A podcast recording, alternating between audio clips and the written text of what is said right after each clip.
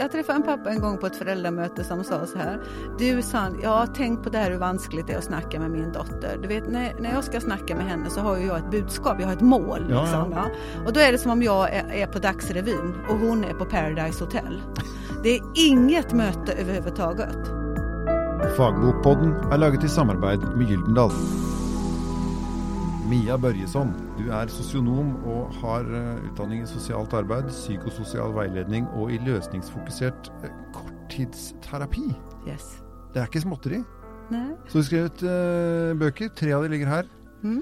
Og Den ene heter 'Å bygge psykisk helse', den andre 'Motivasjon, mestring og medfølelse'. Og så har du jentegrupper. Og alle har gjennomgangstema hvordan man eh, snakker med og kommuniserer med unge folk.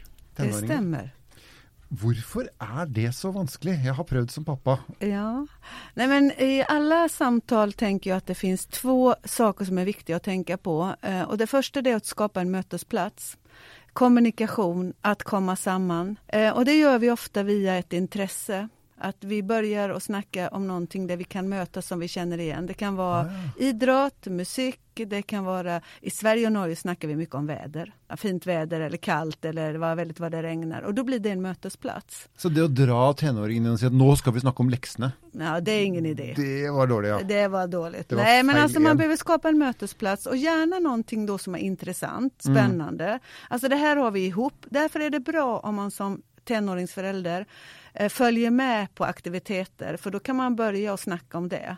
Eller man ser en film samman eller man kommenterar någonting som har hänt i samfundet. Alltså skapa en mötesplats, det är att skapa intresse. Få den här mottagaren av budskapet att eh, nej men det här vill jag lyssna på, det här vill jag vara med på. Men da høres det jo ut som om all den tid jeg er pappaen, da, Ja. så kan på en måte ikke jeg forlange å, å definere det som er min møteplass, på en måte. Ja, Her, her må Nej. vel kanskje vi som voksne Yes. si, gi litt etter. Ja, men vi måste anstränga oss. Jag träffade en pappa en gång på ett föräldramöte som sa så här. Du sa ja tänk på det här hur vanskligt det är att snacka med min dotter. Du vet när, när jag ska snacka med henne så har ju jag ett budskap, jag har ett mål. Ja, Liksom, ja. Och då är det som om jag är, är på Dagsrevyn och hon är på Paradise Hotel. Det är inget möte överhuvudtaget. Och jag- to universer. Ja, men jag tror att det handlar om att vi vuxna, vi glömmer det där att skapa kommunikation med tonåringar. När vi träffar våra vänner är det självklart. När vi möter våra arbetskollegor anstränger vi oss för att skapa den där mötesplatsen, ett möte. Men när barnen och tonåringarna ska höra på oss, då är det utifrån oss och vårat. Ja, men hva kommer det av? For Ja. vi, du, altså, som du sier, vi skjønner det jo overalt. Ja, men vi skjønner det bare ikke der. Nei. Og så går vi i sånn nærmest kollokviegruppe blant Ja. voksne for å snakke om hvor utrolig vanskelig det å snakke Ja. med tenåringer. Ja. For det er vanskelig. Ja. ja, eller så är det inte det. Det beror på hur man gör. Jag tänker också att eh, det finns en del vuxna som har någon idé om att eh, alltså det ska, när vi ska snacka med tonåringar ska det handla om att någonting ska rättas till. Det ska vara kritik eller det ska vara liksom någonting som behöver ändras, lagas, repareras. Det är någonting som de har gjort fel. Eh, Alltså vi har väldigt mycket kritik, eh, negativa, pessimistiska eh, budskap. Och det vill ingen ha. Det vill inte vi ha heller. Kritikk og negative budskap, det vil vi ikke ha. Nej. Eh, eh, alltså det ena är att skapa en mötesplats. Det andra som tonåringar ofta säger det är att vi alltid säger samma sak. Att vuxna är väldigt trista. Upprepar, tjatar och tjatar. Jag tror det är på norska är det mas och mas. Och då tänker jag också att vi behöver komma med någonting nytt. Ja, men man maser vi ikke bare fordi at vi har sagt det, men så hører ikke de etter, da? Nej, men det är för att det kanske inte är tillräckligt intressant. Nei. Och hur viktigt är det i en tonårings huvud att städa, att hänga upp handduken, att plocka ur diskmaskinen. Alltså världen ska räddas. Mm. Då är det väldigt oviktigt. Ja, det er sant. Ja, eh, Fokus på de små tingene, ja. Ja, jag tror att det är Jesper Juhl som har sagt det någon gång att varje tonåring borde ha en skylt hängande runt eh, halsen där det står att jag tål inte kri- kritik och negativa saker för att jag är under uppbyggnad. och det tycker jag är bra att tänka på att, att vi skapar en positiv, hoppfull, optimistisk mötesplats. Alltså kring intresse, kring någonting som är viktigt, intressant, spännande och sen också att vi anstränger oss att få in det där nya. Ja, for det, du tar jo eh, Altså det er ganske store ting. Psykisk helse eh, altså skal bidra til mestringsfølelse, selvtillit, men også fremtidshåp. Ja.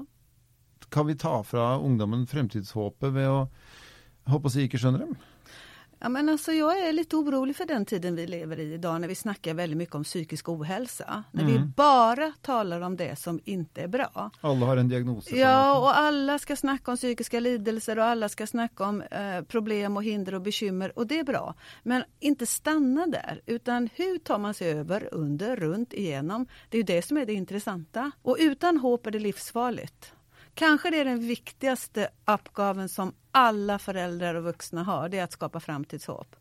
Eh, Vet du vem Lill-Babs var? Ja, Ja, men alltså jag, jag lyssnade aldrig på hennes musik. Men varje gång hon var på radion, varje gång hon Mm. var på TV, så verkade det bra att bli 79 år. ja. Och, ja, men jag tänker vet, du, att livet är en resa. Den dagen du och jag föds Mm. så börjar livets resa. Och varje dag ska vi framåt. Först är vi barn i 13 år, sen är vi tonåringar i 6-7 år. Och sen ska vi bli vuxna. Mm. Och jag tänker ibland, hur är det att vara 10, 11, 12 år och växa upp i Norge och vänta på att bli tenåring? Hur snackar vi om tonåringar och tonåringsliv? Vilka böcker skrivs, vilka filmer visas, vilka tv-serier? Skapar det glädje inför den där livsresan att yes, nu snart är jag tonåring? Endelig er jeg fjortis, liksom. Ja, ja. Nei. Nej. Och det är samma sak att vara 17, 18, 19 år och titta på oss vuxna. Verkar det kul att bli vuxen?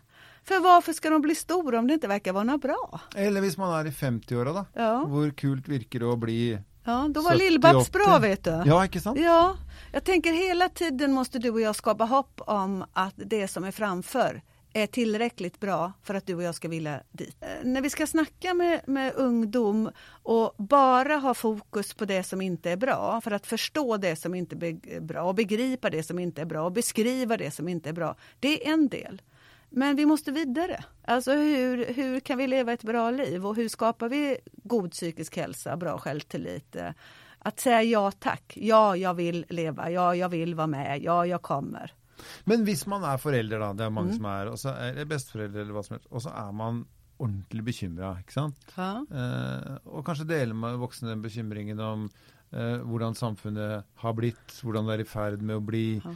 Eh, alt fra jobb til sosial kontakt som foregår elektronisk, kanskje. Altså masse bekymringer man har. Eh, Kan man komme med den bekymringen til unge folk, eller Nej. skal man la være? Nej, men det har alltid varit så i alla tider att de vuxna bekymrar sig över saker och ting och vi lever ju fortfarande. Alltså Ja, jag, jag var, mär- ja, det är märkligt. Alltså jag älskade heavy metal när jag var tonåring på Ja. 70-talet. Det var ju du vet Alice Cooper, Def Leppard, Black Sabbath och mamma grät, trodde jag skulle bli djävulsdyrkare och satanist. Jag blev ju ganska bra. Alltså så fort det kommer någonting nytt så får en del vuxna, inte alla, men en del moralisk panik. Mm. Och så ser man bara det som är dåligt. Men det är också väldigt mycket bra. Och jag menar Norge och Sverige, vi har det fantastiskt bra. Du kan välja också att se eh, att det finns det som är bra. Eh, alltså, det finns en svensk beteendevetare som heter Lena Skogholm eh, som brukar säga att den delen av hjärnan som vi kallar för födelsehjärnan eller känslohjärnan kan delas in i två delar. Och eh, googlar du och jag grundfödelser så finns det eh, då grundfödelser som sorg, rädsla, ilska, skam och skuld. Det kallar hon för gråväder. Mm. Ok.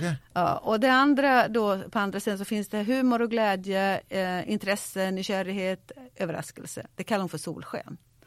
Och det där gråvädret det kommer av sig själv, för det är tufft att leva. Alla möter problem och hinder. Och gråväder finns i varenda människas liv. Det behöver inte du och jag skapa. Däremot så behöver vi skapa solsken. Och då säger hjärnforskare idag att alltså det där gråvädret, negativa, pessimistiska neg- alltså tankar, det sköter hjärnan för att du och jag inte ska dö, utan för att vi ska överleva. Medan det här att jag kan, jag vill, att känna glädje, förundran, allt det där, det måste du och jag skapa själv. Och därför tänker jag att vi vuxna måste se till att skapa solstrålar i varje ung människas liv. För att blir det för mörkt och blir det bara gråväder så kan det finnas en risk att vi ger upp. Men hvorfor er det så lett, da? Og jeg skjønner at du sier det med at du sier at gråvær på kommer av seg sjøl. Ja. Men det er jo høres jo så uendelig mye hyggeligere ut å være der det er sol. Så, så lurer jeg på hvorfor, hvorfor tenderer mange av oss å bli sittende fast der det er grått? Nej, men alltså man tror ju då att det hänger ihop med hjärnan. Eh, att hjärnan från början, den där eh, reptilhjärnan längst bak som ska se till att du och jag överlever. Den är full av kritiska negativa tankar. Det kan inte du, det klarar inte du, det går inte, det finns ingen möjlighet, det är ingen idé. Och det är för att vi ska överleva. Mm. För att vi inte gör dumma ting. Ja, ja, eller för att vi inte ska göra saker som, som dödar oss. Mm. Och den där, den där delen lever kvar och finns där väldigt stark och den ska vi inte ta bort. Men vi behöver fylla på med annat. Så att vi klarar av det där. Mm. Det är inte så att någon treåring sitter hemma och tänker fy vad ful jag är. Nej, Eller fy vad dum jag är. Det kommer senare. Ja, och det, det skapas för att eh, varje barn tar ju nya arenor och läser nytt och ska klara sig själv i samfundet. Och, och då finns de där tankarna där. De flesta unga människor har inte ångest och depression och självkutting. Det är väldigt få. Utan det allra mesta av det som ungdomar och barn rapporterar om. Det är helt vanlig oro, osäkerhet inför det som komma skall. Och mm. det är viktigt att vi vuxna inte gör det sjukt. Utan, det normaliserar det? Ja men det är tufft att leva. Det är inte lätt att leva. Det är mycket resfeber och resångest och Alltså varenda människa möter problem och hinder och dumma jävlar, som jag brukar säga, olycklig kärlek, människor dör, vi blir sjuka. Det kan vi inte ta bort. Och därför är det viktigt, hur tar man sig över, under, runt och mm. genom allt det där. Och Det finns ju till exempel en del idag som forskar på det här med med drivkrafter och motivation. Och då finns det faktiskt ganska mycket belägg idag för att om varje barn och ungdom får tre till fem saker de älskar att göra så hjälper de det när gråvädret kommer. För då vet de någonstans var solen finns. Ibland brukar jag tänka så här att eh, födelser är lite som väder. va? Jag är himlen. Jag brukar säga det ibland till barnen. Nu är det här en metafor, det är ingen mm. sanning, det är bara ett försök att förstå något komplext. Ja, ja. Om man tänker sig själv, jag är himlen. Det kommer väder, olika väder. Det är orkaner, det är stormar, det är blixtrar, åska, det är regn, det är sol, det är värme. Ja, himlen klarar alla de där vädren. Och det skulle jag vilja säga till alla barn och unga också att du klarar väldigt mycket väder. Eh, jag jobbar mycket med att försöka hitta energirum. Det är ju ett påhitteord så men att de som har väldigt mycket gråväder behöver hitta energirum. Det kan vara ett café, det kan vara i stallet, det kan vara i fotbollen, det kan vara att sitta på tricken, eh, det kan vara att gå en promenad. Men att vi behöver det för att hämta ny, för att få påfyll.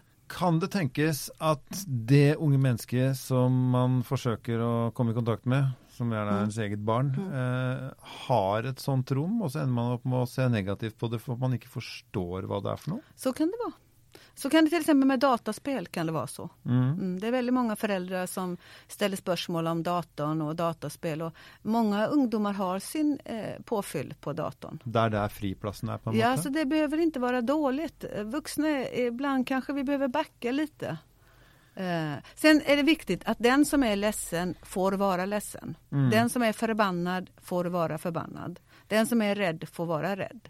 Men att bara vara det under lång tid, det är inte bra för kroppen. Och det är Nej. inte bra för psyket heller. Utan då måste vi vara förebilder och visa på vägen ut. Mm. Och där får det inte bli för mycket sol heller för då kan man bli bländad. Utan det får vara lite solstrålar. jag, jag lurte lite på det, om det, om man bara är glad, alltså, är, det, är inte det bra nej, det heller? Nej, nej. Och så måste det vara äkta. Ja. Alltså det här med att gå hem och ställa sig framför spegeln och säga Åh Mia Börjesson, du är fantastisk, Mia Börjesson, du är unik, särskild och speciell. Framsnacka dig Nej men liksom. det blir ju bara dum. Det blir bara dumheter. Ja. Ja. Utan eh, små, små äkta saker. Och att man hittar, det här är lite kul, det här kändes lite bra, nu känner jag mig lite tillfreds. Att kanske jobba med att få ro. Är det skillnad på gutter och jenter?